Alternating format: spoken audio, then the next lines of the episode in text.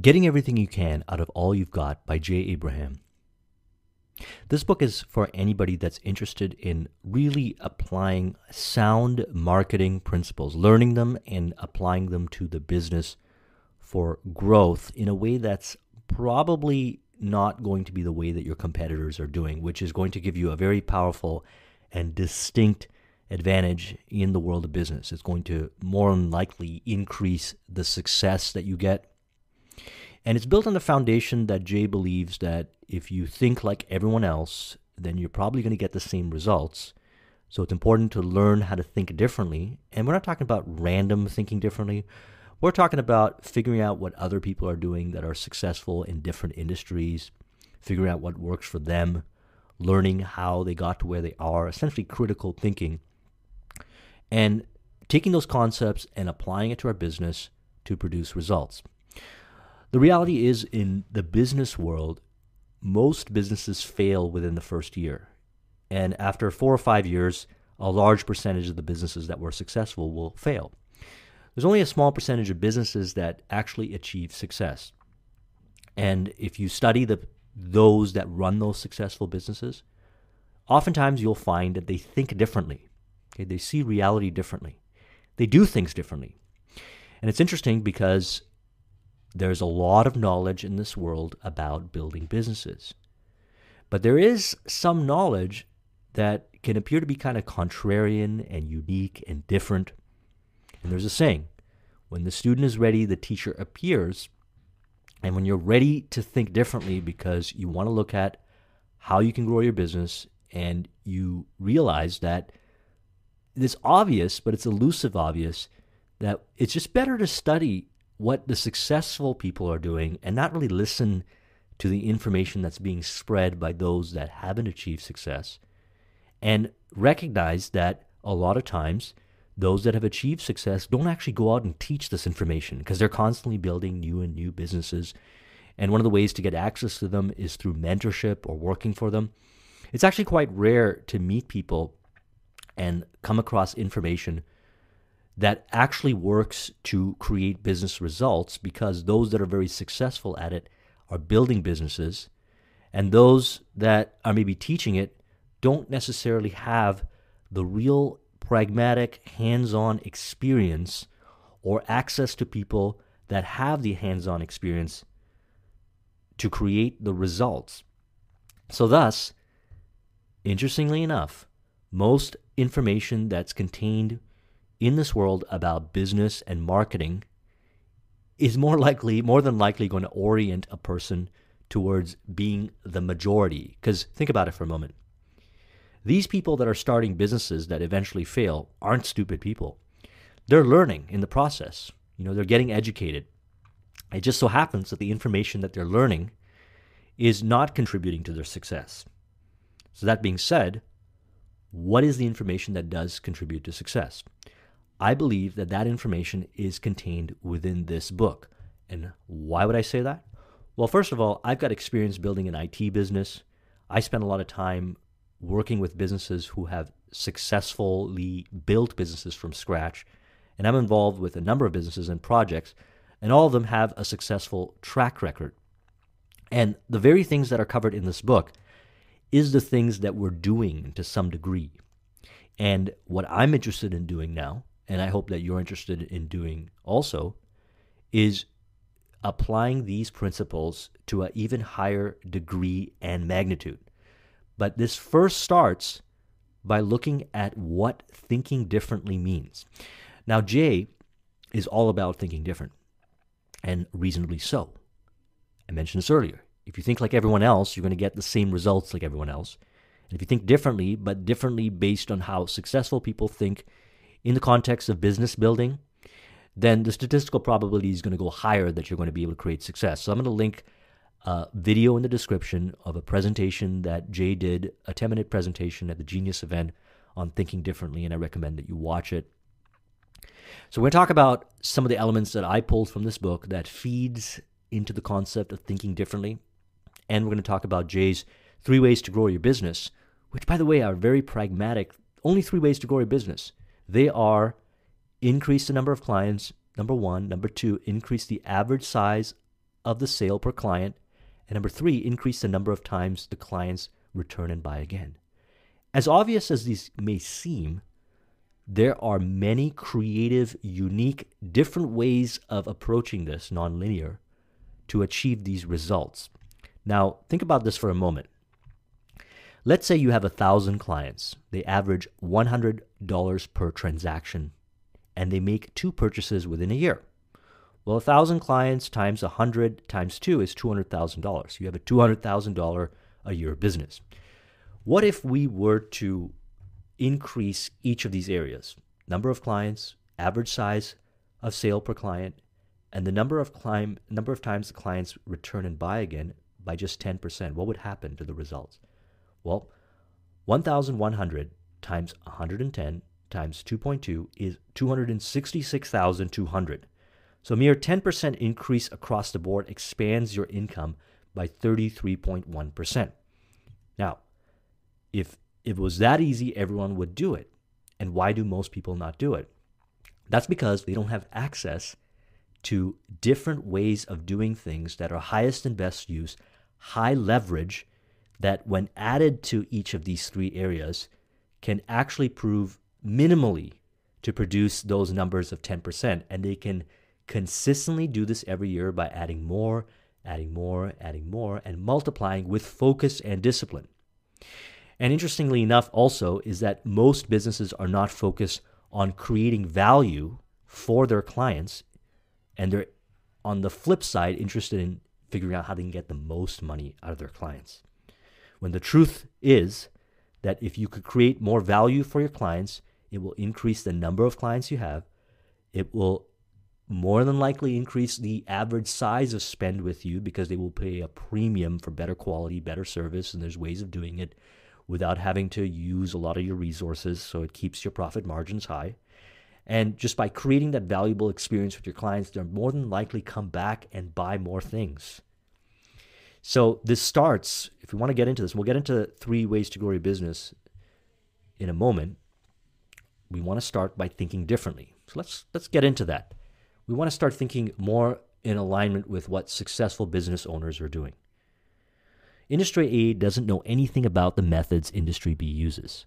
Correspondingly, Industry C is totally unaware of the way Industry B sells or markets, and on and on. By helping you study and identify the fundamental principles that drive the successes in hundreds of other industries, you're able to pick and choose the most powerful, effective, state of the art breakthrough approaches to introduce to your industry. So, number one, we want to be investing time studying what other people are doing outside of our industry. Now, you'll see this a lot. The tech circle, techie entrepreneurs surround themselves with other techie entrepreneurs. Restaurateurs surround themselves with other restaurateurs. What Jay is suggesting is that go outside of your industry, figure out what they're doing to solve problems. Chances are they might have the same problem that you have, and they might have a creative, unique way of solving that problem. If you take that solution, which might be more cost effective, faster, and so forth, and you apply it to your business and your industry, now all of a sudden you will have a greater output. If you're fishing and you have one pole with one line in the water, you'll be able to catch only a limited number of fish. But if you use 10 poles and you put 10 lines with 10 different baits in the water at the same time, your fish catching potential will significantly increase. Another way of thinking most people are thinking too linear. They have one product and service in which they use to force into the marketplace rather than looking at what the client is interested in buying before, during, or instead or after, and figuring out how they can create or partner with others to provide those solutions in exchange for money. So, by diversifying and diversifying not randomly, but value based on what it means to a client, we're essentially creating new ways of penetrating the market, which will create additional revenue streams or might just currently re- permanently replace your initial revenue stream. This is one of the reasons why, again, I've been in business for, I've left corporate in 2009, so I'm going on to, you know, almost 10 years. And I've met a lot of people along this journey, other entrepreneurs who have started businesses and they've grown to success, and some have failed. The ones that have grown to success realize the importance of pivoting based on what is valuable to the customer, to the client. A lot of times, what happens is we have this product or service and we're like, this is the best thing. And what we want to do is we want to go out and sell it to everyone. And a lot of times, you start out, you realize that it's not resonating with the marketplace, but then you get forceful and so forth. And if it doesn't work, people just give up. What they fail to recognize is that value is what the client sees as valuable, what the prospect sees as valuable. Now, there's ways of persuading and so forth, but why not make it easier and figure out what they're already interested in and adjust and even modify or even move into something else to serve that client or prospect and then generate that income and then reinvest that income back into other business building activities. Those that do that, uh, that the, the statistical probably probability of success goes up way higher. You know, now that being said, let's talk about breakthroughs because breakthroughs is what we want, and breakthrough thinking is we want, what we want to facilitate. So, what does it mean, and how do we go about doing it? Essentially, what we're looking for is quantum leaps. Now, I'm a fan of making incremental gains. You know, one of my favorite books is The Slight Edge by Jeff Olson. I also really like Darren Hardy's Compound Effect. What I also like is the U squared strategy, the quantum leap strategy by Price Pritchett. I might do a discussion on that book coming up. But what we're looking at is some opportunities that exist within our awareness that, when executed, produce breakthrough results. So, not just a few percent increase, but a 20 or 33% increase based on, like, for example, we talked about our ways of growing the business, doing three changes to the three parts of growing your business, 10% each produce 33%. I'm interested in stuff like that also on top of incremental gains, both. So breakthroughs is where it's at. Your greatest success and prosperity in business and life will come from your ability to create your own breakthroughs. So what does this mean? This means we got to become breakthrough generating machines. Now, I meet a lot of people and they have a lot of ideas. And their ideas might sound nice, theoretically, but once applied, will produce marginal results, if any. And these ideas are generated based on them looking around to see what everyone else is doing and then kind of copying the ideas. And, you know, that's fine. Get started with that. But what I believe is why not set yourself up so you come up with unique problem solving ideas and opportunities that can be executed upon that are different that create something new in the marketplace or solve a problem faster and that's where the and actually execute upon it and produce results those are the kind of ideas that we want breakthrough ideas and those are generated by yes being aware what others are doing but then looking at how others also do things differently to produce results and figuring out how we can borrow that philosophy or principle or process and apply it to what we're doing right now, either as a whole or as a part. So, the best way to do this is essentially spend time with others in different industries and figure out how they do things. Study topics that you aren't necessarily interested in and look for connects. Now, those of you who are part of my mind map training program recognize that one of the things that I do in creating mind maps is incorporate the four quadrants of learning. So let's talk about these for a moment because this is important. So, number one are the why learners. They essentially want to know why things work the way they do. They want to, they're the salespeople. They want to go out and tell people how it works. So, they're deeply interested in why things work. Number two is the what learners, the theoretical breakdown, the facts, the scientific data. The theory is what they're looking at. And that's what they believe helps them at a high level of comprehension. Number three is the how learners. They want to learn by doing. They want to take information and actually go out and do it so that they can get a hands on experience and learn through doing. And number four is the what if learners. Okay, what if learners look at how things work in the certain learning context, or they take what they're learning and figure out how to apply it in another area.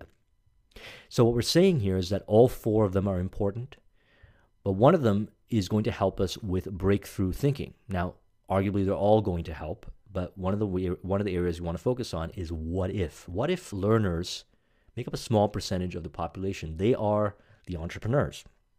They're the ones that figure out what somebody's doing in one area and then borrow that principle and apply it to another area to create profits. They're constantly looking at how something works right now and where else it can be applied and done. So if you want to f- become more successful in the realm of entrepreneurs and you want to think differently, then constantly be looking at the different things that are going on within your awareness, your business awareness, personal life, etc. And see how that's applicable and true in another area. For example, you can take what we're learning right now, which is in the context of business building, and you can see, you can challenge yourself to see how this is applicable in personal life situations. Or you could read books based on relationships, like dating and relationships, etc. And you can figure out how concepts covered in there are applicable in the world of direct response marketing and vice versa. Okay, very important. So, what is a breakthrough? Let's highlight over these unconventional, fresh, superior, more exciting ways of doing something, dramatic improvements in areas that makes you more impactful, powerful, efficient, effective, productive, and valuable or inspiring to your client. Make your marketing produce two or three times the result with same or less effort. So, what do we want to do here is you want to apply the what if principle. Everything that I'm talking about in this video, everything that's covered in this book, we want to ask ourselves how do we take what's covered here and apply it to our business right now? Okay, how much are we applying these concepts? How can we apply these concepts? And by doing that, it's going to facilitate more of those breakthroughs, what I like to call insights and perspectives. Facilitate the breakthroughs by looking at how all these items here that I'm talking about apply to your business. Transform your product from a commodity into a prized proprietary item no one else can offer or compete against. Let you control your business with fewer people, less payroll, less confusion, more productivity, more efficiency, and more profit. And by the way, if you can't figure out how to do these things, then it's worth noting in your study notes looking for different books and resources to help you understand those areas of how you could do it because chances are people have done it. People are probably doing what you're doing right now in business with less payroll, less confusion, more productivity, and more efficiency. They are out there. How can you find them? How can you connect with them? Have they written books? Do they have seminars? Do they have anything that you can uh, interact with, that you could study from to learn what they're doing and apply it to what you're doing right now? Let you change the entire business game you play by allowing you to totally change all the rules that remake and remake them at will lets you outthink, outleverage, outmarket, outsell, outperform, outimpact, outdefend, outmaneuver, and continuously outwit your competition on every level. Right now, your competitors are constantly trying to come up with new ways to take your clients, your job, or entire business away from you. You've got to beat them to the punch. Breakthroughs are the pathway to doing it. So you're at a considerable advantage by studying what other people are doing, nonlinear ways of thinking, thinking differently because the majority of the population tries to think like everyone else because they don't have the confidence to go beyond their current reality. Okay? Let you reinvent your business or career before some competitor does it for you. Lets you maximize your success better and longer so you can safely uncover new future successes. Lets you ethically use the power of other people's knowledge, capital, or resources to your own maximum advantage. Again, ethically win win. Let you lower your total or, your, or totally eliminate the risk in an activity while vastly increasing the potential payoff. Breakthroughs make you unbeatable, breakthroughs make people wealthy. So, that being said, now that we got some stimulus as to what breakthrough is about, how do we facilitate breakthrough thinking? And we already mentioned looking for different ways of accessing the same marketplace by trying different things. And we'll get into this in more detail um, with Jay's strategies in the three ways to grow your business. But let's also look at how we can calibrate ourselves to think differently because that's so important. It's the foundation of this book. This book is designed to get you to think differently, but not in a way that's randomly thinking, you know, abstract and non-purposeful think differently that's more in alignment with those that are successful in business building. Now, if you were to give this book to successful business owners and you ask them to read it and ask them to provide you thoughts on this, most likely they're going to validate the information in this book and they're probably going to say to you, we're doing these things, or we're doing some of these things, or we could do more of these things. That's because this information is contained contained within this book is the information that will help you exponentially grow your business and it's what successful business owners are calibrating themselves to do or have already done. We want to remove ourselves from the noise. This is the signal right here, okay? So how? Being opportunity focused, looking at things from an opportunity perspective, okay? Seeing opportunities where everybody else sees problems obstacles, limitations, or boundaries, and actually constantly placing ourselves in situations that appear to be problems, obstacles, limitations, or boundaries, and staying there till we solve it. And by the way, this is also important to keep in consideration opportunity cost, because not every single opportunity is or problem or obstacle or limitations or boundaries requires you to stay there and, and, and get you focused on there. It's not worth staying in some of them you got to look at which opportunities have a payout. What's the payout? Are you willing to invest the time, energy, resources to figure out the solution? What is the payout in the short term or the long term? You, you have to be able to evaluate these things. But the key is seeing opportunities where others see problems, obstacles, limitations, and boundaries. Most people run away from these kind of things rather than dedicating some time each day to stay within there, to evoke creative thinking and nonlinear ways of thinking to solve the problem. You must invent and constantly be reinventing your own better future. So, maximizing and creating breakthroughs means more than just simply getting the most profit, highest performance, greatest productivity, and effectiveness out of an action, opportunity, or investment. It also means achieving maximum results with a maximum, with sorry, a minimum of time, effort, expense, and risk something a few people practice or even think about. This is Jay Abraham's highest and best use theory. And this is one of my favorite theories of Jay Abraham. Okay, one of my favorite. And the reason why is the truth is this you only have a certain amount of time, you have a certain amount of energy, you have a certain amount of resources. And what you do with that time, energy, resources, and we'll say opportunity cost as well, there's many things you could do. Why not sift and sort and figure out what is the items that you could do because you can only really do one thing at a time with full presence. That's going to accelerate and move your grand strategy forward the fastest, create more value for the marketplace in which you get paid for the most, brings you the most fulfillment and joy. Like what there's a lot of combination of elements, but what are those things? When I started to think like that, my results started to increase. I started to look at all the things I was doing and I immediately cut out a whole bunch of things that I thought were productive and you know maybe they are productive. They still produce results but however as opposed to what? As opposed to maybe this other thing that will accelerate my results even further that will uh, engage me even deeper that will keep me and get me into flow state.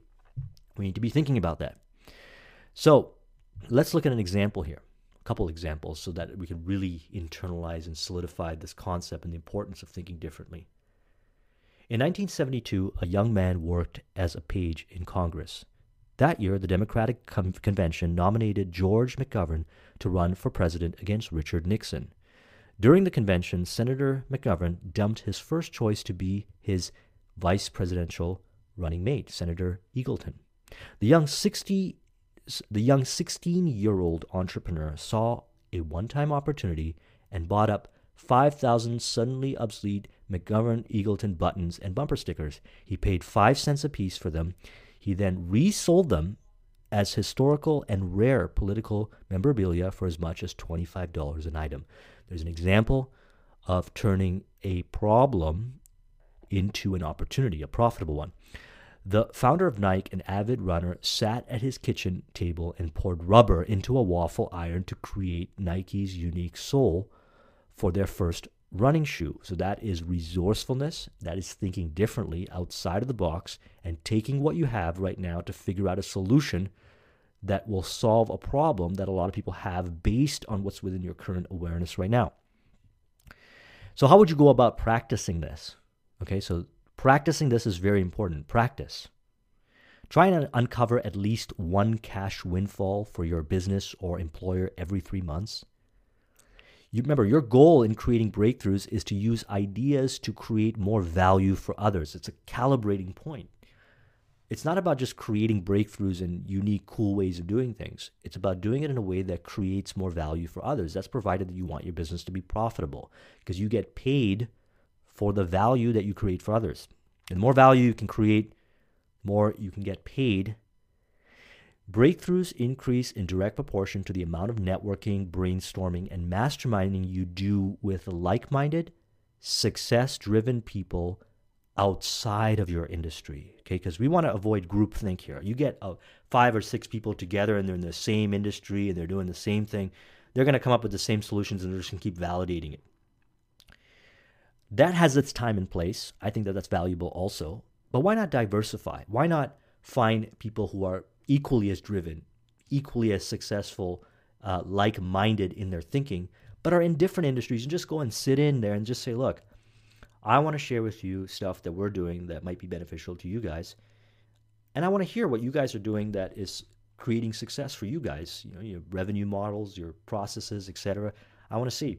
And let's see if we can kind of benefit each other. Do you mind if I sit in and have these discussions? A lot of times people will say yes because you offer an outside perspective and it's very mutually beneficial. The best breakthroughs take away risk or resistance from the other side, so it's easier for them to say yes than no. So think about this for a moment.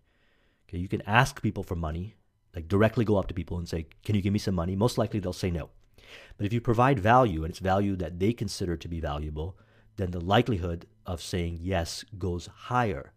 Now, if you look at what are the mechanics of them saying yes, a lot of times it's the resistance or the risk of saying yes that prevents them from actually saying yes. So, how can we reduce that risk? How can we reduce that resistance? We're going to talk about it, by the way. We'll talk about risk reversal when we get to it in the three ways. Employ as many success practices from others outside your field or industry by investigating, then modeling their philosophies and methods. Okay, model it and figure out how to take it and apply it in your industry. So now that we've calibrated our way of thinking, essentially thinking differently, let's dive in with that foundation into Jay's three ways to grow your business model. So there are fundamentally only three ways to grow your business. Number one is to increase the number of clients. Number two, increase the average size of the client uh, of sale per client. Number three, increase the number of times the client returns and buys again. So let's start with number one. So here's an example. I have a client whose income curve was stagnant. It doesn't matter what they sold. Pretend it's your product or service. This company had a compensation program. They paid the salespeople 10% of the profit. So if the company made $1,000 profit on a sale, the salesperson would get $100 and the company would get 900. I had them calculate what's the average new client is worth to them in dollars each time they buy. How many times that client will buy from them each year. And how many years the average client would be with them. In turn, out of the first sale, on average, resulted in about 200%, uh, sorry, $200 profit for the company. Of that, $20 went to the salesman or the woman, and $180 went to the company. On average, the client bought five times a year for three years. So basically, each time the company got a new client, they were receiving $3,000 in cumulative profits. My solution instead of giving the salespeople 10% of the profit on a new on, on a sale to a new first-time client, give them 100% of the profit of the first sale. The company's management response was, You're insane. I smiled pleasantly and went on to explain that as long as their salespeople maintain sales from existing clients at past levels or above, give them 100% of the profit of the first sale for every new client they bring in they'll be 10 times more motivated to sell new clients. And every time they bring in a new client, the salesperson makes an additional $200, but the company makes an additional 2800 So this is employing a different way of thinking to increase the number of clients we get by incentivizing the salespeople to make them even more motivated, because that's a driving factor. So, what are some other driving factors that we could use to increase the number of clients? Because we all want more clients. Well, we're going to get into risk reversals, referrals, selecting our target market, unique selling proposition, host beneficiary relationships. Let's start by unique selling proposition because I think that this is a very important element. Your unique selling proposition is that distinct appealing idea that sets your business apart from every other Me Too competitor. If you see yourself as just an IT solution provider, chances are you're not going to be as compelling to all the uh, prospects that the other IT companies are targeting. What you need to do is stand out. And you can stand out by crafting a unique selling proposition. Now, there are many steps and examples covered in the book, but let's go over some examples to help us understand. So, Domino's Pizza, hot, juicy, delicious pizza delivered to your door in 30 minutes or less, or it's yours absolutely free. How do they differentiate themselves? They're saying hot, juicy, delicious pizza that's going to be at your door in 30 minutes or less. And if not, we'll buy it for you. It's free to you. That's a unique selling proposition that differentiates themselves from the other providers of pizza. In the 1960s, Avis was struggling to come up with a marketing approach that would gain them the market advantage that they desired. They needed a unique selling proposition that was very powerful. After all, Hertz was head above them in size and in market share. What did they do? They came up with a USP.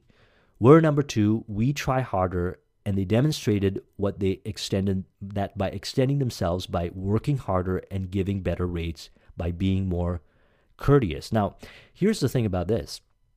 If you're number two, they blatantly accepted that they're number two, but they said, because we're number two, we try harder. It's very, you can say it's catchy, but it offers more value to the client. That's what even, that's what it's prop, it's proposing that it gives more value to the client, which is more valuable. So they will try harder and they're committing to try harder by doing all these other things. Nordstrom's built their department store success through one basic, unique selling proposition. If you have any problem with a purchase for any reason, bring it back for a no questions asked, 100% money back refund anytime in the future. Anytime in the future. Not in three days, not in seven days, not in 30 days. If a year later you're not satisfied, if five years you're dissatisfied, it's not a problem. Okay, now think how powerful that is when you look at all the other options you have to buy clothes or whatever. You can go back at any time in the future and return that for a 100% money back refund.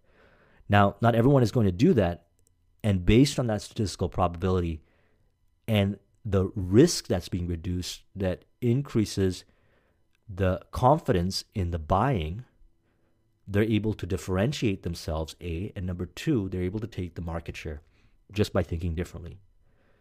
Financial advisor Howard Ruff built a $20 million newsletter empire back in the 80s by putting himself in a unique and distinctive position in his marketplace. Most of the other financial advisors took the position that they were big time Wall Street pros and they were trying to appeal only to the affluent investors. Howard took the opposite approach and he said, I am the financial advisor to the middle class, and I want to protect your interests at a different level. I know how hard you work to make a dollar. I know how important it is to you so that you don't lose it. I know how critical your retirement monies are to you. I respect and I approach your situation differently than anyone else. So this automatically speaks to the unique pains, desires, frustrations that the middle class are experiencing and thus likely they're going to be more compelled to want to go with him versus the other firms that don't see them from this unique perspective, okay, unique selling proposition. If you improve your unique uh, selling proposition, you increase the likelihood of increasing the number of clients. And again, going back to our example here, every year we only need to make a commitment to do this by 10% to get considerable return when we combine it with the other two elements of the three, three ways to grow your business. And you can see already that most businesses don't look at it this way. So you can see how if you apply this philosophy and this way of doing things to your business, that your likelihood of success goes up higher. So next is risk reversal. Risk reversal. So there is a concept called better than risk-free guarantee.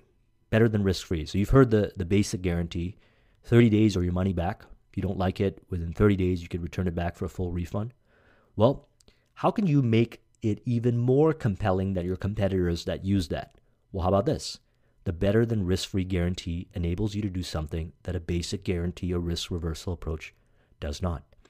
When you utilize a better than risk free guarantee, you are acknowledging and rewarding the client for the value both his or her time and faith expended in favoring you with their purchase decision.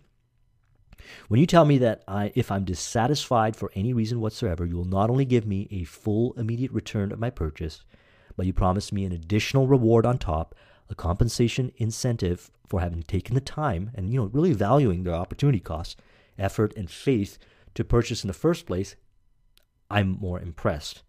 I'm hard pressed to say no to a proposition like that. So it's all about adjusting our risk reversal, which is essentially, you know, the money back guaranteed standard and making it more compelling to reduce the risk. Remember one of the things we want to do is we want to reduce the risk. We don't want to just ask people for money. We want to reduce the risk because they want to have faith that what you have to offer is going to produce the result for them. They want the result, provided you're targeting the right people. Some people might not be interested in what you have to offer. And you know, if they're if they're the kind that are going to buy something like that or considering buying something like that, what's holding them on the fence usually is that they feel that there's too much at risk. So we want to look for ways to reduce that risk. Whenever two parties come together, this is a way to think about it, and always remember this. Whenever two parties come together to transact business of any kind, one side is always asking the other consciously or otherwise, to assume more or all of the risk. If you ask someone to take on all the risk, their first inclination is not to buy. Think about this for a moment. This is even true in like dating context, in personal relationship context, as much as it's true in business context. Remember the, the what if. So here are some examples here. Did you ever subscribe to a magazine or a newsletter and the reason you subscribed was because they gave you a 30, 60, or 90 day no questions asked, 100% money back guarantee, or even not ask you to pay for it upfront, that's risk reversal. As president of Lee uh, uh, Chrysler, Lee Iacocca took only a dollar annual salary and stock options that would pay off only if he improved the company's bottom line. Bottom line, you know, you when you go and work for a company, by default, what a lot of people do and there's a lot of creative applications for this. You can apply this for your career and so forth. Is they say, pay me a hundred thousand or pay me a million dollars, and I will increase your bottom line by ten or fifteen percent, which is going to create whatever one million or ten million return. That's a guarantee. Trust me on this one. Um, it's better than not saying anything. But what if you were so confident? What if you actually knew?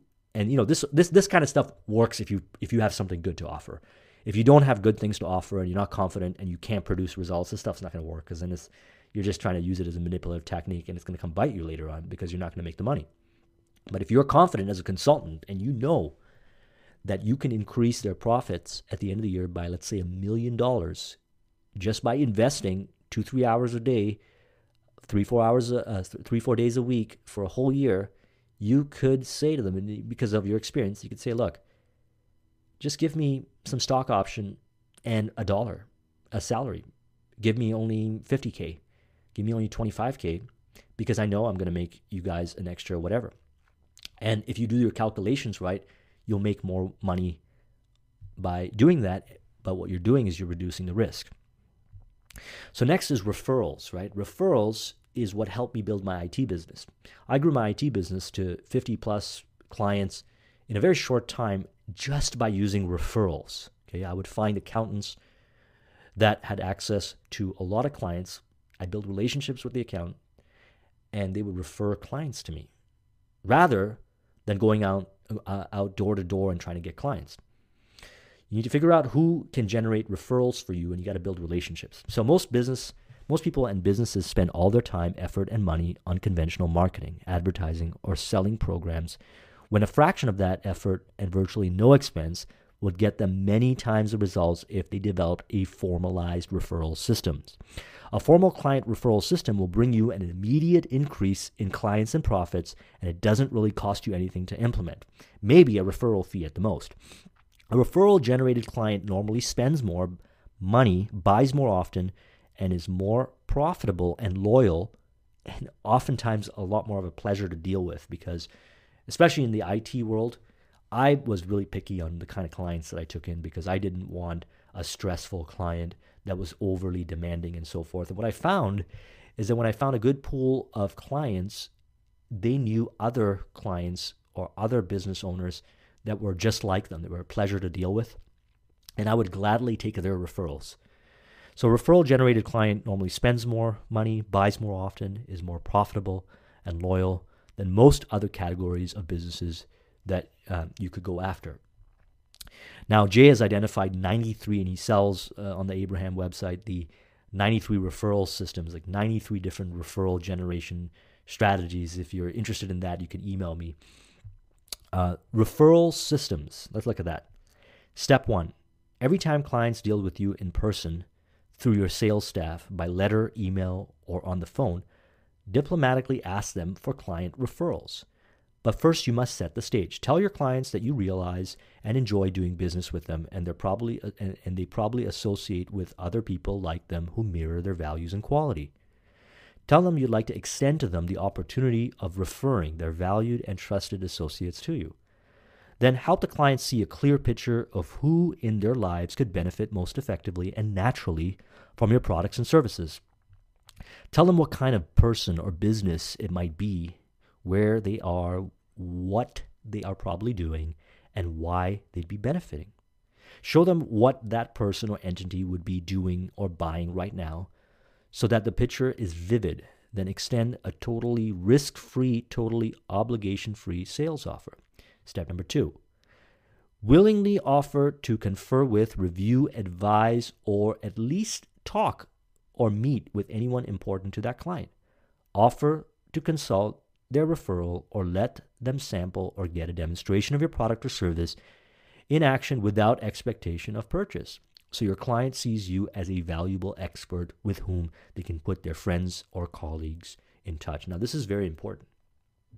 It's important that you treat anyone that your clients refer to you with respect and you treat the clients well. Why?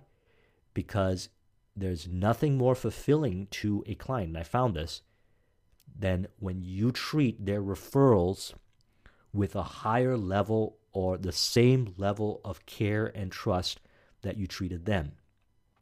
What that does is it furthers their business relationship with the other person. And in business, relationships are very, very important.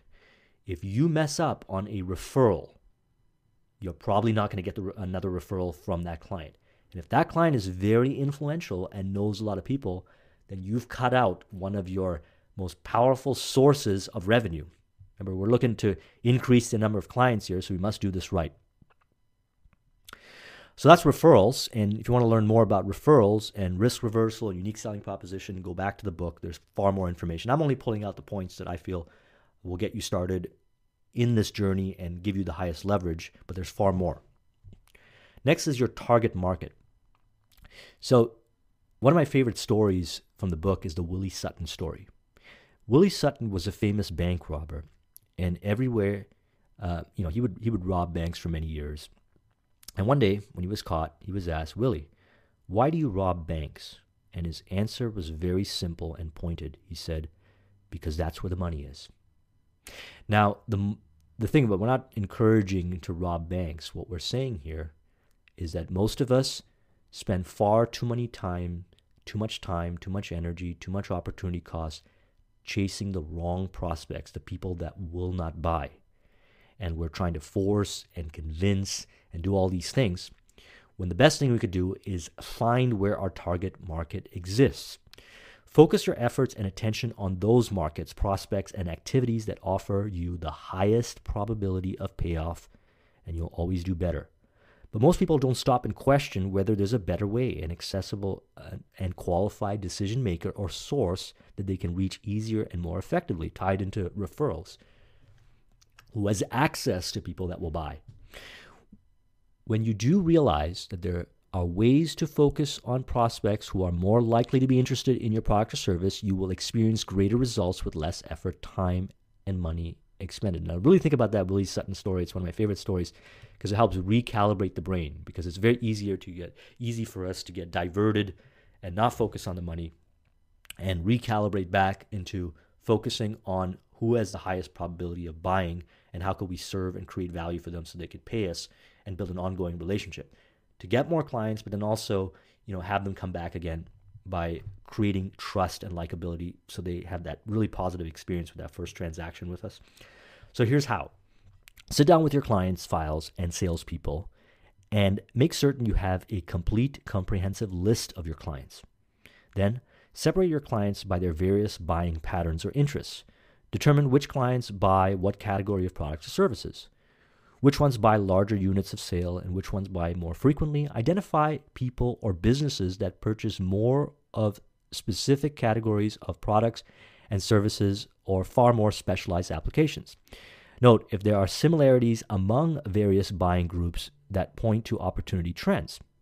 That points to opportunity trends. For example, if you discover that your biggest buyers are all doctors or chemical manufacturers, you'd be able to target more of these groups as primary prospects. See if there are geograph- uh, geographical trends, demographic indications, or general age, family, business type, and or size factors that correlate to specific buying patterns. When you recognize what these patterns are, you can then use that knowledge to fashion propositions geared more towards that segment. Okay? Picking the right target market will amplify your efforts. Remember, we talked about this earlier. Minimal input, maximum output.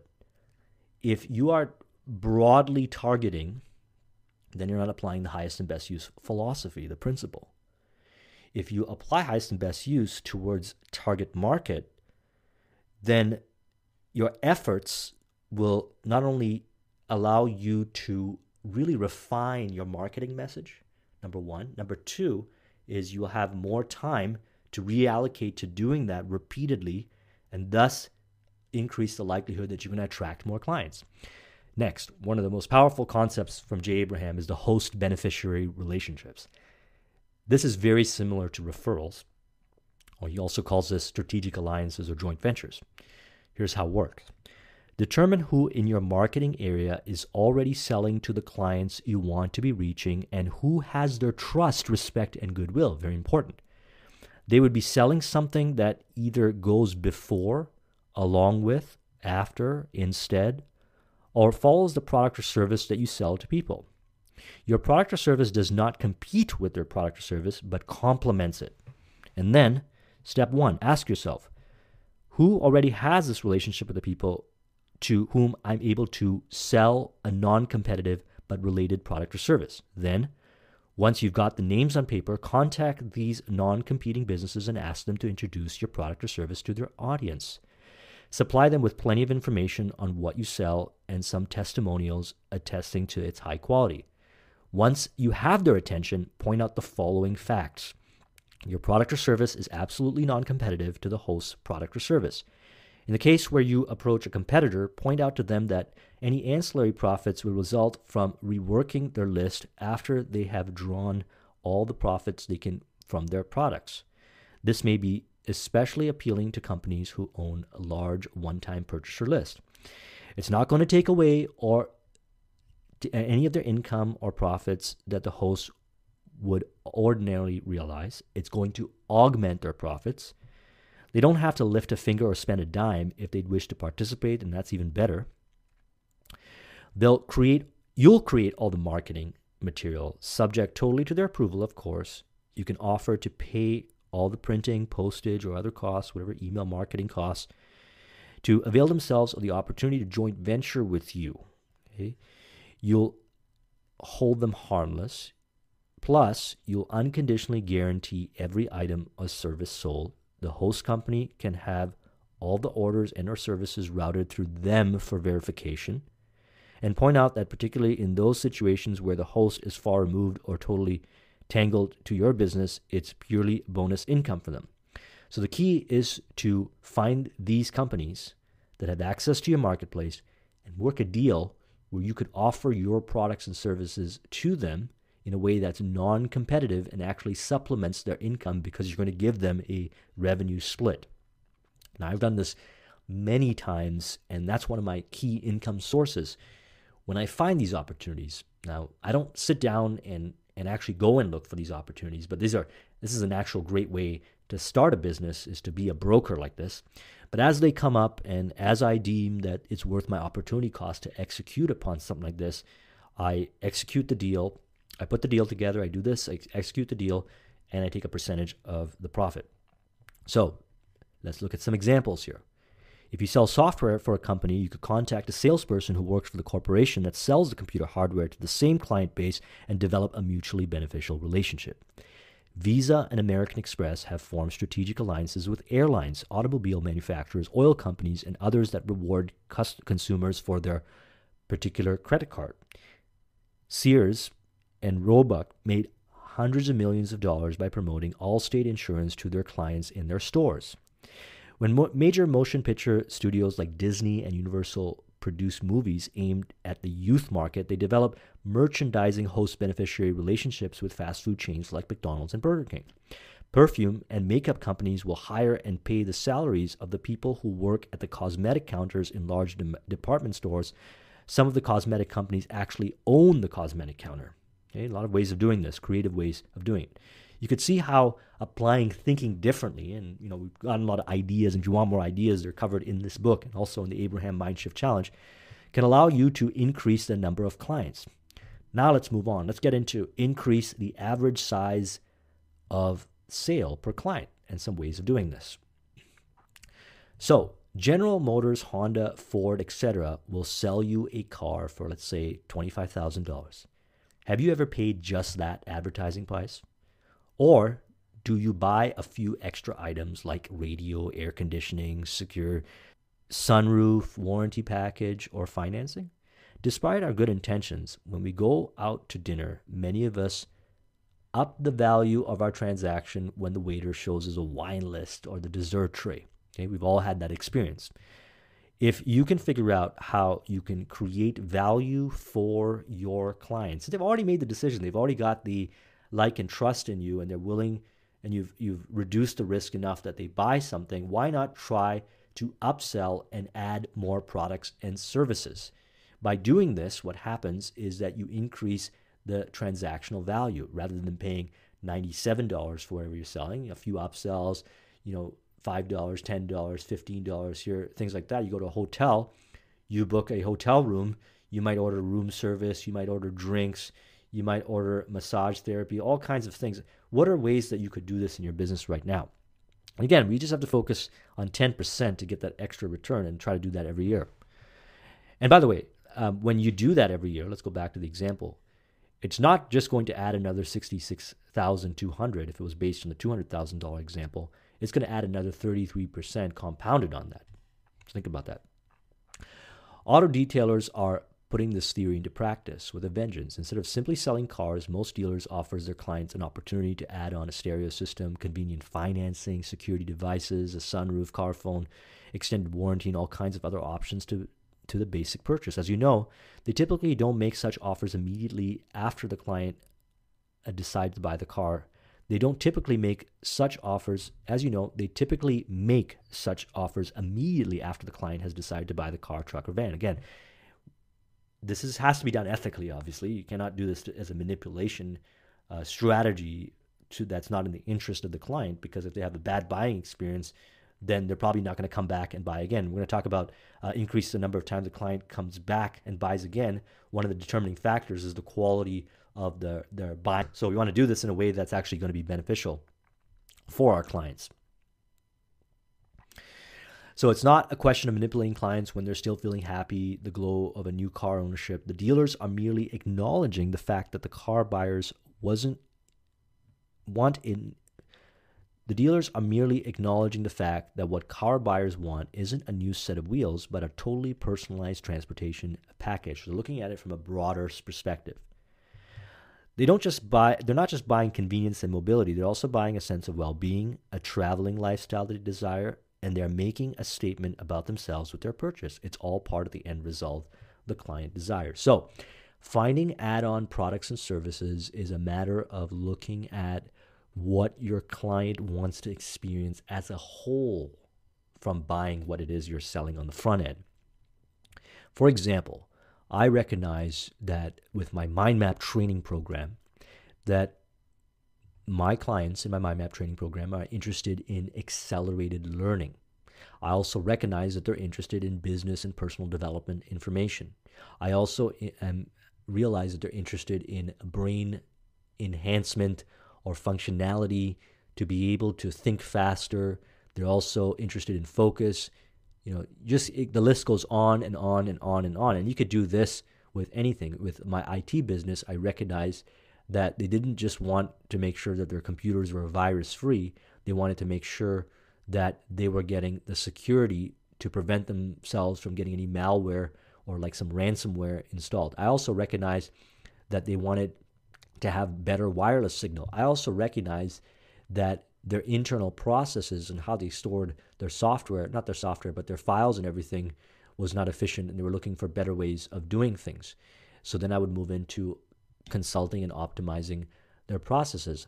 I also recognized that they had other office needs that weren't being fulfilled, and I had connections with others that could provide those office services and I'd work percentage deals. So you can keep thinking about the experience as a whole. I also recognize that they are business owners, so they're interested in increasing marketing and selling. So we would have consultation sessions, which would then move into implementing email marketing systems. And then I realized that just because they were implementing email marketing systems doesn't mean that they were necessarily going to do it in the most optimal way. I would look at if they were selling something offline, could they have done it in a way they could sold it online through automatic buying so they wouldn't have to do an offline transaction which people couldn't participate in at their own leisure and time. So there's a lot of ways of looking at this. Really reflecting upon what your client is trying to do and what they're trying to experience will give you all kinds of ideas of different kinds of add on products and services, which again might not necessarily happen at the point of sale. It could happen later on. Like, let's say today they buy this, but once they get acclimated to your product service, they come back and they end up uh, buying something else later on that complements. So here are some ways how. List all the products and services you sell that produce a greater result for the client when used together or in a logical progression. Try offering various combinations and package and upsell with these. Okay, testing, very important. Then list what I call the cycle of product slash service life all the products or services other people sell that precede, parallel, complement, or follow the use of your product or service. Find the companies who sell these products and services and see what kind of distribution, outright purchases, host beneficiary, beneficiary deals you can make with them with each in order to add their items to your client's sale. Okay, so this is where if you can't come up with the product services yourself, you can partner with others that have already created it. Think of any logical services your client could benefit from after purchasing your product or service, like tech support, extended warranty, annual or semi annual maintenance, pickup or delivery. Could you provide any of these services to increase the value of your transaction? If you have nothing else to add, consider offering a larger, more deluxe version of your product or service at a greater price. So, Every time someone makes a purchase from you or your organization, you have an opportunity to increase the size of that purchase through upsells. It's not just to add to your short term profit, it's all about you helping your client get the optimal benefit or advantage out of the transaction they're going to do with you, anyways. All right. So, this is not about like how can you get more money. Again, we're thinking about they're going to buy. What else can we add as an option? They don't have to take it that will further produce the results for them. So if you sell fitness products like supplements, maybe an upsell could be workout programs. You know, one of the things we did when I did a partnership is I had uh, I used to have a speed reading blog, speedreadingzone.com, which I ended up selling over to Iris Reading. I ended up getting a huge following on there and a lot of SEO clout, and I was an affiliate for Iris Reading. A company called Ace Reader approached me, emailed me, and said, "Would you like to promote Ace Reader to your audience. Now, I didn't. I had an agreement, and we've got a very good relationship with Iris Reading, so I didn't want to violate that relationship. So I did a kind of a triangulation. I called up Iris Reading and I said, "Look, a company called Ace Reader sells software. You guys sell training. How can we work? Let's get on a three-way call. How can we work something out where we can all benefit?" And what happened was that Iris Reading now offers a branded version of Ace Reader as part of their suite of products and services and upsells. And on the flip side, Ace Reader, when you buy it, I don't know if this still exists, we did this for a while, offers an upsell to take the Iris Reading workshops or the online training. So even though they are competitors, we were able to connect in a way that was mutually profitable for everyone, thus increasing the average size of sale per client, but doing it in a way that added more value to the client and added more profits. Number three, increase the number of times clients return and buy again. Okay, so after you have created that transaction and you know the, the, the upsells and you've increased that, well, we want them to come back and buy again because it's actually easier to resell to an existing client provided that you had established the like and trust during the first transaction. If you sold them some garbage, they're going to not come back. I've had this experience many times where you go to like a restaurant or whatever and you know the service wasn't good. I'm, I'm, I'm pretty picky on this kind of stuff, and I, I realized that the more you study these elements of strategy of preeminence, for example, which is a Jay Abraham philosophy, the more astute you become in looking for quality service, and the more you're going to appreciate it. And if you don't get the quality service and treatment, um, you're not going to go back to the same place again. So, if you created a good experience, they're going to come back. But if you don't, then they're not going to come back. And when I have a bad experience, I don't go back. And I'm and that's the case with a lot of people. So clients stop buying essentially for three reasons. We got to make sure we're not doing these things. Number one is they stop buying temporarily and they just never get around to dealing with you again, out of sight, out of mind.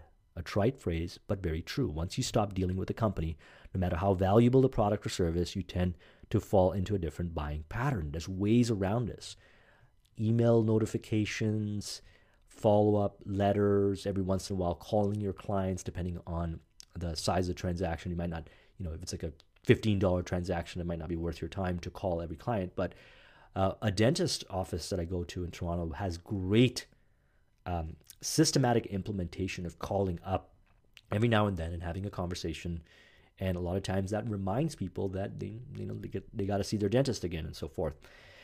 Number two, they become dissatisfied. There are hundreds of reasons a client becomes unhappy and stops doing business with a company. But the most important thing to realize is that rarely did you intentionally offend or dissatisfy the client. Okay, there's many reasons why, and we can work on some of these things, and some of the things are beyond our control. But the more things that we can work on to increase post buying satisfaction, you know, one of the things that I like to do is follow up with greater material, more content, different kinds of things, uh, more service, whatever. The client situation has changed to the point that they no longer can benefit from your product or service. Now, that's understandable.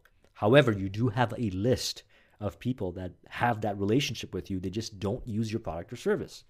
So you could do what I did is that when I built my IT business with the 50 plus clients and then many, many different prospects and so forth, uh, after I moved into consulting and started doing internet business and stuff like that, I would reach out to a handful of them who no longer benefited of my IT product service because I had moved them over to another provider, sold the client, or they no longer needed the IT service.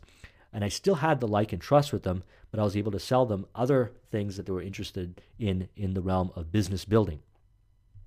Additional adding additional related offers to the product line is a great way of ensuring that they come back again and you could do this in, that are very creative ways of doing things. I mean, look, in the direct sense, if you're an IT service provider, you can add things like maintenance contracts and you can upsell to other things.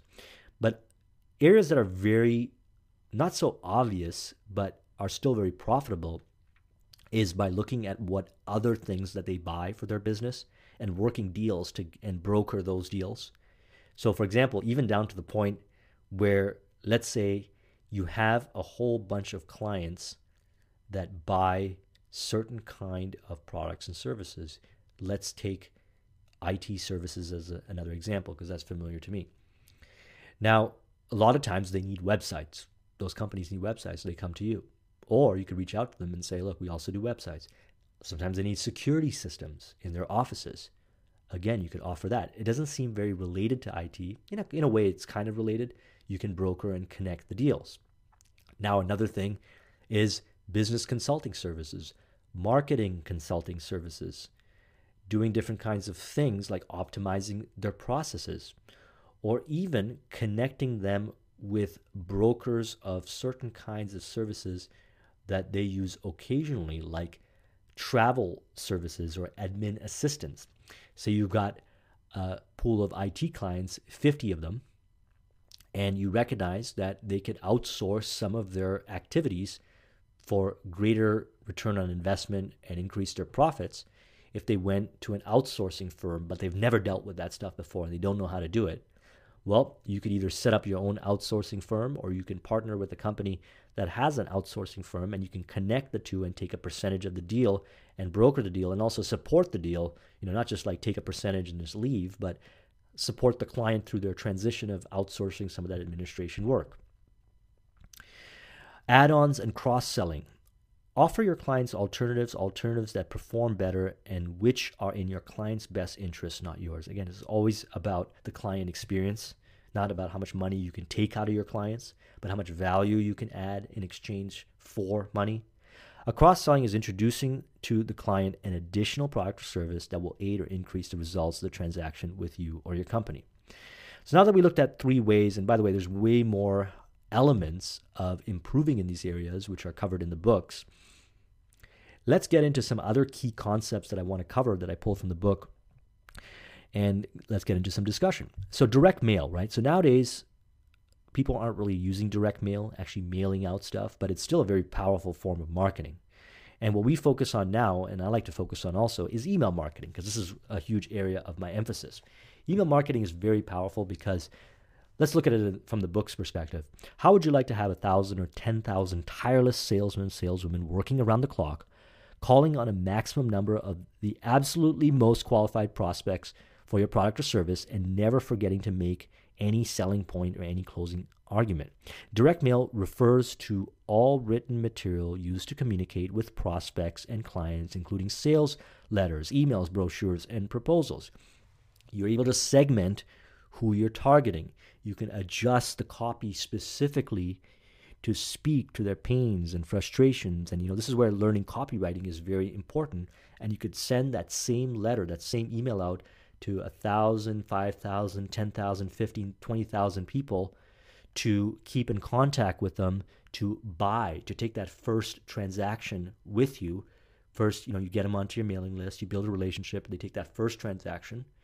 And then when they take that first transaction, you can offer some upsells to increase the size of transaction with the client.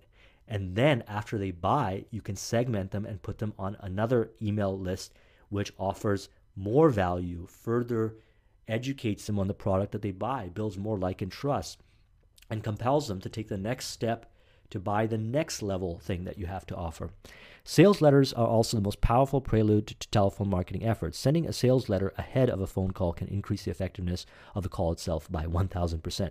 So, different ways of doing this. You could use an email or a letter that's sent to someone as a prelude to calling them up and not saying stuff like, that sounds very passive, like I'm following up you know, using, we're not going to get into the language patterns and stuff like that, but think of this as a conversational way of doing things in a more automated fashion that is more scalable, but it's still focusing on personal touch and value. There's a sweet spot. Okay, direct mail. Next is maximizing what you have. Testing, testing everything. Think of your business as all these elements that make up the whole. Okay, revenue generating, let's take revenue generating. All these elements to your revenue generating model and then break those revenue generating model elements down into sub processes and so forth. Actually, create a lucid chart. This is one of the things I do with my clients. We actually map out their whole business and map out the sub elements. Why? Because those sub elements are the areas that you optimize. And then you test them against variations. Let's talk about this. It's not an unusual when you test and compare the effectiveness of one approach against another for the superior approach to outperform the inferior one, but much as 10 or 20 uh, times. Now, this is where we get into that whole geometric thing again. So, think about a sales letter, for example. If your headline, which is designed to get the attention, is getting the attention of only 10% of the people that you position it to, well, what if you increase that by 20%? Now you got 30% of the people getting it so let's say it was 100 people. Now 30 people are actually going to pay attention to reading the body of the sales letter. The statistical probability that the buying decision is going to happen goes up higher, provided that you meet the other copy elements. So you can see how each one of those things have a huge impact on leverage. And essentially one of Jay Abraham's philosophies, leverage marketing, by optimizing each of those little tiny areas. And there's tons of them. Geometrically, your results increase. I've seen people test different variables in their advertising, websites, sales letters, live sales, presentations, guaranteed, USP, and price points increase 500%, 1000%, 2000% have resulted just by changing from one approach to another. In other words, you might be producing only one fifth of the results, sales, income, or profits you could be getting with the same or even less effort and cost. So we talked about earlier about highest and best use and leverage. And we talked about earlier producing greater results with very little effort. Okay, just changing a headline. Now, this is possible because good direct response marketers know this, and this is why they get paid the big bucks. And oftentimes they work on percentage because they realize that they can make far more by working on a percentage on success of a campaign because they're very good at knowing what to test and optimize. And they do this you can say it's kind of like a trade secret by optimizing one very tiny element that may seem insignificant to someone who's not very astute with sales and marketing. One company that apparently didn't test enough is the maker of Excedrin. Se- several years ago, they ran a multi million dollar national advertising campaign showing different above average headaches and assigning them numbers like Excedrin headache number 9, Excedrin headache number 23, when Excedrin relieve the pain. The campaign created such name recognition that was seemingly very successful, but in fact, sales went down. The company later learned that people were aware of the campaign and said that Excedrin was an excellent, stronger than average pain reliever, and if they had a severe headache, they would definitely take Excedrin. But if they had just an average headache, Excedrin was a stronger medication than they needed. So they would take a milder pain reliever like an aspirin. The company could have saved millions of dollars and not lost market share had they had done one simple thing, which is test. So let's look some examples here. This is a very, very, very astute example. Before Henry Ford would hire anyone for an important position, he would have lunch with them. If the potential employee would salt the food before tasting it, Mr. Ford would not hire the person. The reason? Salting the food before tasting it indicated the person would implement a plan before testing it. Ergo, not job. Was Henry Ford too extreme with his hiring policy based on salting before testing? Maybe. But then again, Henry Ford was America's first billionaire. And now, when you get better at understanding different elements of persuasion, making decisions like this is quite common. Some might consider it overthinking, but when it comes to understanding that each and every element plays a role, then you find what works for you. So there are many different things that we can test to see what kind of results that we get. And it's worth breaking down our system of our business, our revenue system, into an entire process, mapping it out, and breaking it down into sub processes. Let's talk about lifetime client value, another important comp, uh, component to this. Let's say your average new client brings you an average profit of $75 the first sale. He or she repurchases three more times a year with an average reorder amount of $300. And on each $300 reorder, you make $150 gross profit. Now, with the average patronage life lasting two years, every new client is worth $975. You could theoretically afford to spend up to $975 to break in on a client and to, to bring in a client and still break even. why is this important? The reason why this is important is because a lot of people want to jump on paid advertising. Now, I think paid advertising, you know, Facebook marketing, paid advertising, or Google ads, or YouTube ads, or whatever, is great. You know, you can test a lot of things really fast. Well, if you understand what your lifetime client value is, then you can make a very educated guess on how much you are willing to spend per click, per lead, per conversion. Okay. And when most people like, you know, they, they go out and run a campaign, they're not looking at these numbers. So the more numbers you have, especially lifetime client value, the better you are at making educated decisions. Now think about this for a moment. If you realize that you could spend $975. Well, there's a lot of options you could a lot of things you could do here. You can pay a higher percentage on commission. You can pay higher referral fees. Now, it's not uncommon for really, really successful, astute business people to actually pay more on commission on the first sale than the actual first sale generates. For example, say what they sell in the front end is a $47 product. And because of lifetime customer value, they recognize that each customer is worth, each client is worth $975.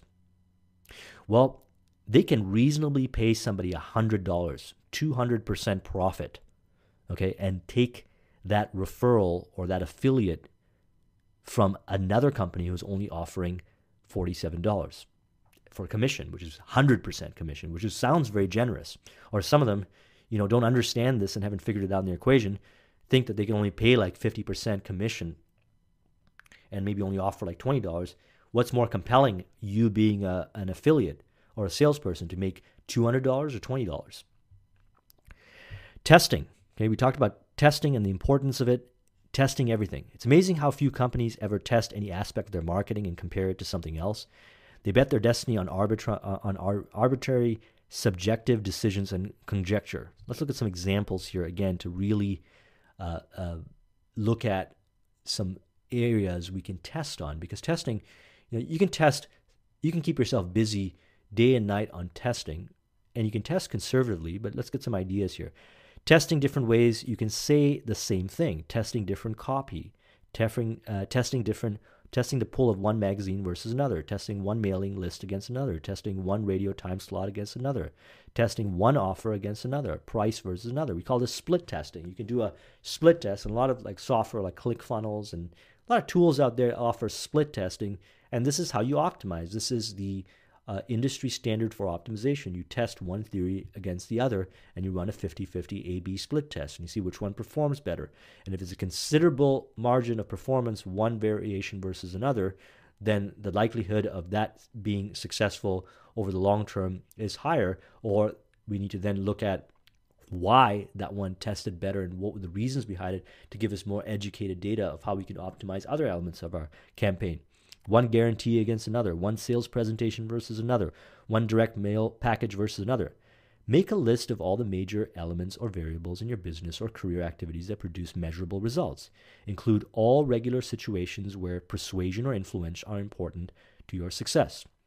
So, sales, presentations, board presentations, phone agreements, advertising, catalogs, sales letters, emails, and conduct an uh, attitude of your order the conduct and attitude of your order department, client services, technical support, accounts receivable, etc. Then identify the key transactional elements of each of those activities, like the headlines, the openings, the sales, the closes, unique selling propositions. Then, kind then come up with at least two alternative ways or approaches to those activities. Create at least two different ways to say or communicate your message, different pricing strategies, different positioning, different presentations, etc. Then conservatively and modestly test these different approaches against your current control approach. You'll be surprised of how many of your new tests outperform your old standards. Find every process in your business or career that could be improved and focus on making small incremental or large exponential improvements in each process. If you do that, the combined effect will be dramatic and geometric. So testing is so important and that should that's like a thinking differently right there. Most businesses do not see the elements that make up the whole, don't take the time to break down. Why? Because it, it requires work, it requires discipline, it requires effort, but it's also highest and best use. If you can do that, then your results are going to increase dramatically because you're taking an educated view towards business. And it's surprising that even people who appear to be very educated in business don't do a lot of testing and don't measure metrics it's it's kind of in a way mind-boggling that it doesn't exist, but you'll be surprised. Not a lot of people look at their business as a system, as a process from start to finish, and break down each element into sub-processes, etc. So we're going to talk a little bit about sales letters, and we're going to get into some discussion on it. But there's much more to it. But here are some tips to get you started, as well as you know referring back to the book. There's more details on this. So specific components of sales letters should contain. Number one is a headline. Okay, get the reader's attention with the headline. The letter must show clear and distinctive advantages in the body copy. The letter has to prove or validate the claim of benefits or advantages through factual examples, comparisons, analysis, testimonials, and credentials. The letter must persuade the reader to reach out and seize the advantage you promise, call to action. The letter must motivate the reader to act, respond, write, order, or come in to the store or whatever it's designed to do. And next, another nonlinear way of thinking application that can be added to your business complementary that is not going to necessarily bring you money, but unless you were to do triangulation, is barter. Trading your products or services for things your business needs or wants is called business barter. Barter gives you amazing ability to vastly increase your purchasing power, sometimes as much as five or ten times over. Done right, barter also gives you the effect of having almost unlimited capital. It's like having a blank check to fill in. It allows you to acquire products and services now, but pay for them much later. And the longer you take to pay, the less it ends up costing you. You can make barter a major factor in your business growth strategy. So you can connect with a person that has access or has a product or service, let's say, has a product or service, and you offer a product or service, and you can do a trade. Now, I've done this many times. I've traded for places to stay, for cars to borrow, and otherwise I would have been renting. I, when I was in Mexico, I stayed in beautiful places in exchange for barter for consulting services on marketing and so forth. I've traded for IT services barter. Like lots of things you could do for barter and here's a cool thing it's called triangulation. Okay, this is where you take three people, for example, or even more. And what you do is you take person A and you trade for services. So let's say I will trade you $1,000 worth of consulting services for $1,000 worth of rental credits at your hotel. I then take those rental credits and I sell it to person C for $800 and they use those rental credits. And then I realize the $800 profit, considering that it was easier for me to sell the $800 rental credits than it would be to sell the $1,000 consulting service. Okay, see how that works? Lots of creative ways of doing things. So, this is a very important book if you're interested in nonlinear, creative ways of growing your business as pragmatic as the three ways of growing your business, as simple as it sounds on the, fir- uh, on the surface, most people don't understand the value of it. And if you focus on these three areas and you apply the strategies and concepts we've covered in this video as well as what's in this book, so not only will this help you think differently in the sense of cool ways of doing things, but those ways of thinking can actually be applied to improve the three ways to grow your business, which is increase the number of clients, average size per clients, and the number of times the client buys in return in various different combinations. And it makes business a lot of fun, okay? Turns it into a puzzle and a very profitable one. So I recommend this book and I recommend really watching this video like five or six times and going and applying what you've learned. That's the key thing is application. Thank you very much for watching. If you want a copy of the mind map, the link is in the description. I will talk to you soon. Take care.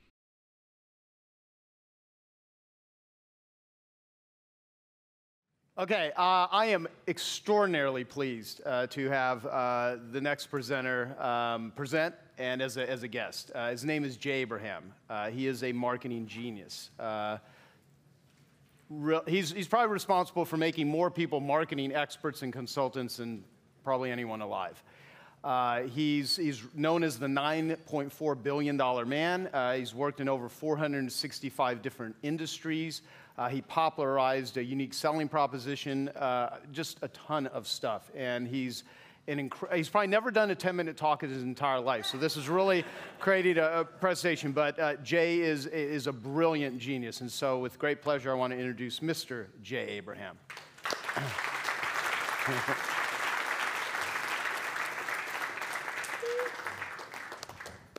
First thing, I'm overdressed.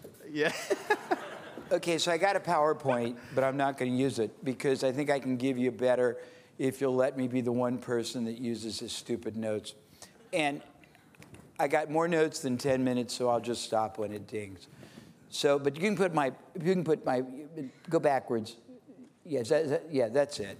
So just, that's the topic on thinking differently, because I'm known for thinking different than anybody else. And I'm going to try to give you the why as Joe's thing, and I'll give you as much contextualization. So I'm going to start with a, a couple of things I wrote last night because I think it'll be better than this PowerPoint. So the real question is why people fail to recognize the obvious. Uh, a, a, guy at, I think at Cornell did something really interesting, and I read it a couple of years ago, and it was bizarre. And I want to quote it because he said, Most incompetent people don't know they're incompetent.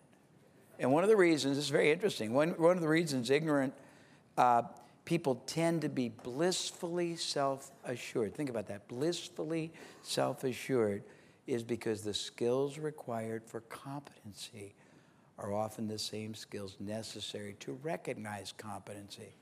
So this is really interesting. So the incompetent, think about this, and this is going to get into what I'm going to say. The incompetent suffer doubly because, first of all, they reach erroneous conclusions that make them delighted and they make really bad choices, but their incompetence robs them of the ability to even recognize reality. And the key here is I want to give you different reality. I want to give you different reality. But I'm going to give you another quote because I love quotes. So Socrates says, A life unexamined is a life not worth living. I believe a business that isn't constantly re examined is a business not worth living. Okay, so now we're going to get into this good stuff, and I did it the other night, so all that stuff that I threw out the door, bear with me. I'm known for being this guy I can look at strategy, marketing, business models, positioning, preemption, all that stuff from a different point of view. And I want to tell you the why and the how and then what it means to you because it's irrelevant if I'm that good and you don't know how to do it. I'm not that good. I've just been exposed to so damn many higher, better, easier, faster, safer ways to do stuff than most people have ever been exposed to. And I want to explain a little bit of my history, how, I, and give you a context for yourself. So I am hopelessly curious. I just love learning about everything I don't know about. And my career, I have no education. My career started because I was fortunate that I sort of self selected. I was attracted, and bear with me because I've done 86 hours spontaneously, but I want to make sure I give you this to people who always could look at a situation from a different slant. They seem to know how to untangle Gordian knots that no one else in their industry even figured out was a deterrent. You know, I realize that most entrepreneurs are confounded and they're impeded by knots, puzzles, status quo thinking, acceptance, challenging business dilemmas they don't even know they're struggling with. Seriously, okay. So if you don't know you're struggling with it, you can't, you can't solve it. So I've developed a really fascinating way of looking at life, and it's because of the influence of confluence. And by that I mean, I hope I'm saying it right. I've had such a diversity of experience, and I thought that I share a little bit about the generalities, and I'll tell you some of the experiences and what I learned from it, and then give you a context for yourself.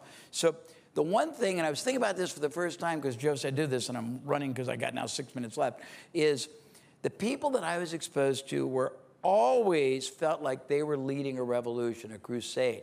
It, was not about being, it was very much like Dean said, and I'll be very fast, but they had indefatigable enjoyment for what they did, not just what they did industry wise, but who they were doing it for, meaning their clients, the impact they were having on their business. And I realized that most entrepreneurs are restricted, limited, they're stuck and don't even know it. And I'm going to share with you now some of the ways that I got to develop what I call divergent thinking uh, funnel vision versus tunnel vision. So I'm going to go through all the things I experienced for the first third of my life quickly and tell you what I learned from and then give you the.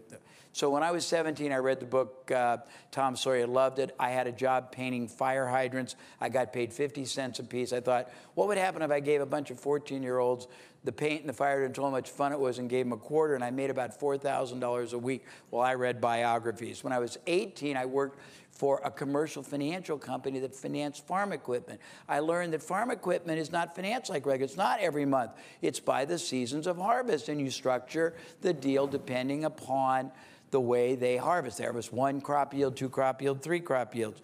When I was a little older, I worked for a charge card, different than a credit card. A charge card is really wealthy people who get who charge stuff and pay for it at the end of the month.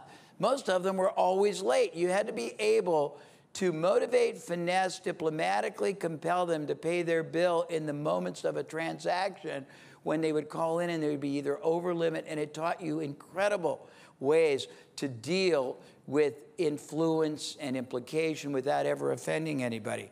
I was working for a company that was a big, big, big, big, big investment financial company in Indianapolis, and the, and the, the young uh, loved me. Everyone liked me because I was young and, and, and uh, interesting when I was 18. And the guy took me aside and said, You've got to always be a trend spotter. You've got to be ahead of it rather than then behind it, they invested in, now it's a lot of young people, they invested in gas stations that were self serve before it was legal to be self serve. They invested in cable TV before anybody had cable TV. I worked for Hertz Truck Leasing, and they taught me there's no money in leasing trucks. There's incredible triple profit if you throw into it maintenance for three years, and there's an incredible difference if you get three or four extra mils, that's fractions of a cent per mile for a truck that goes a million miles a year on a three year lease. I'm just going through it. I worked in the association business. And most small groups can't afford their own association. I met a guy, I was always attracted to these nonlinear thinkers. This guy was very smart. He'd go to associations that couldn't afford an association, it's 35 years ago, an association.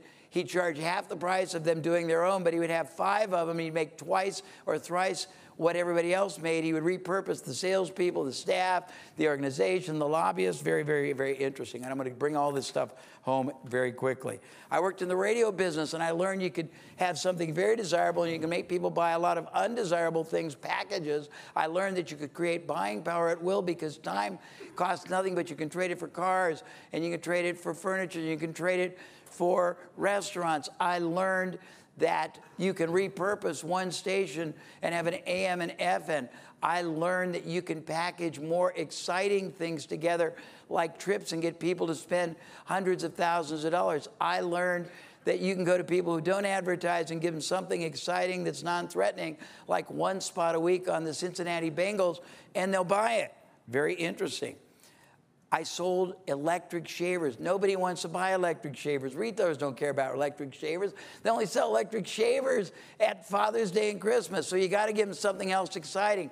So I had to find a way to make no co op marketing dollars. Co op is what you earn when you buy it, go a long way. So I'd buy billboards at the end of the year for, for retailers, and nobody ever buys the billboards at the end of the year, so you can buy them for five cents on the dollar. I'd buy millions of dollars of billboards for about $10,000 and give that to people if they bought shavers. And I realized all the psychology of all these things. I was in the consignment business. I realized that somebody else's distress is always somebody else's opportunity. I found a guy that had $10 million, I'm dating myself, of eight track stereo tapes in a warehouse, and I put it in the equivalent of 7 Elevens, and I made $5,000 a week just by the connection. I found a guy that had a million dollars worth of curio items, and I put it in all kinds of specialty shops in Indianapolis and made thousands of dollars a week just from making the connection.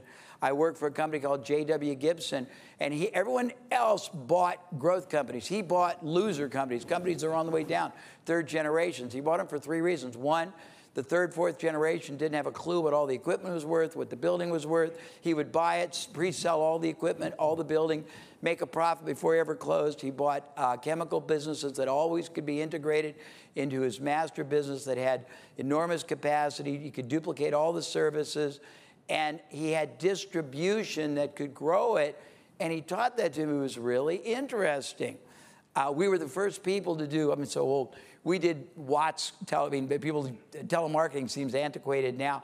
We were in it before anyone ever did it. We were in it when IBM had photoelectric paper readers where you had automatic, and we used to learn how to send letter upon letter with every scenario, and that, that uh, sequencing and um, and uh, unrelenting value communication is like a positive Chinese water torture.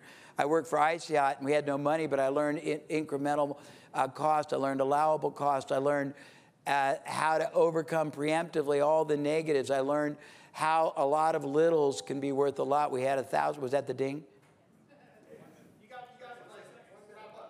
Okay, okay, I'm going to quote. I'm going to. I'm just going to quote. Yeah, the trick is you got to learn what you don't know, and you got to observe what it means to you, and you got to look at things different. I'll quote from. Uh, I, I, like the the old Apple commercial. Here's to the crazy ones, the misfits, the rebels, the troublemakers, the round pegs in the square holes, the ones who see things differently. They're not fond of rules. And have no respect for the status quo. You can quote them, disagree with them, glorify, vilify them. About the only thing you can't do is ignore them because they change things. They push the human race forward. And while some may seem as crazy and, and, and wild ones, we see them as geniuses. How else can you stare at an empty canvas and see a work of art? Or sit in silence and hear a song that's never, never been written? Or gaze at a red planet and see a laboratory on wheels? Because the people who are crazy enough to think they can change the world are the ones who do. Thank you.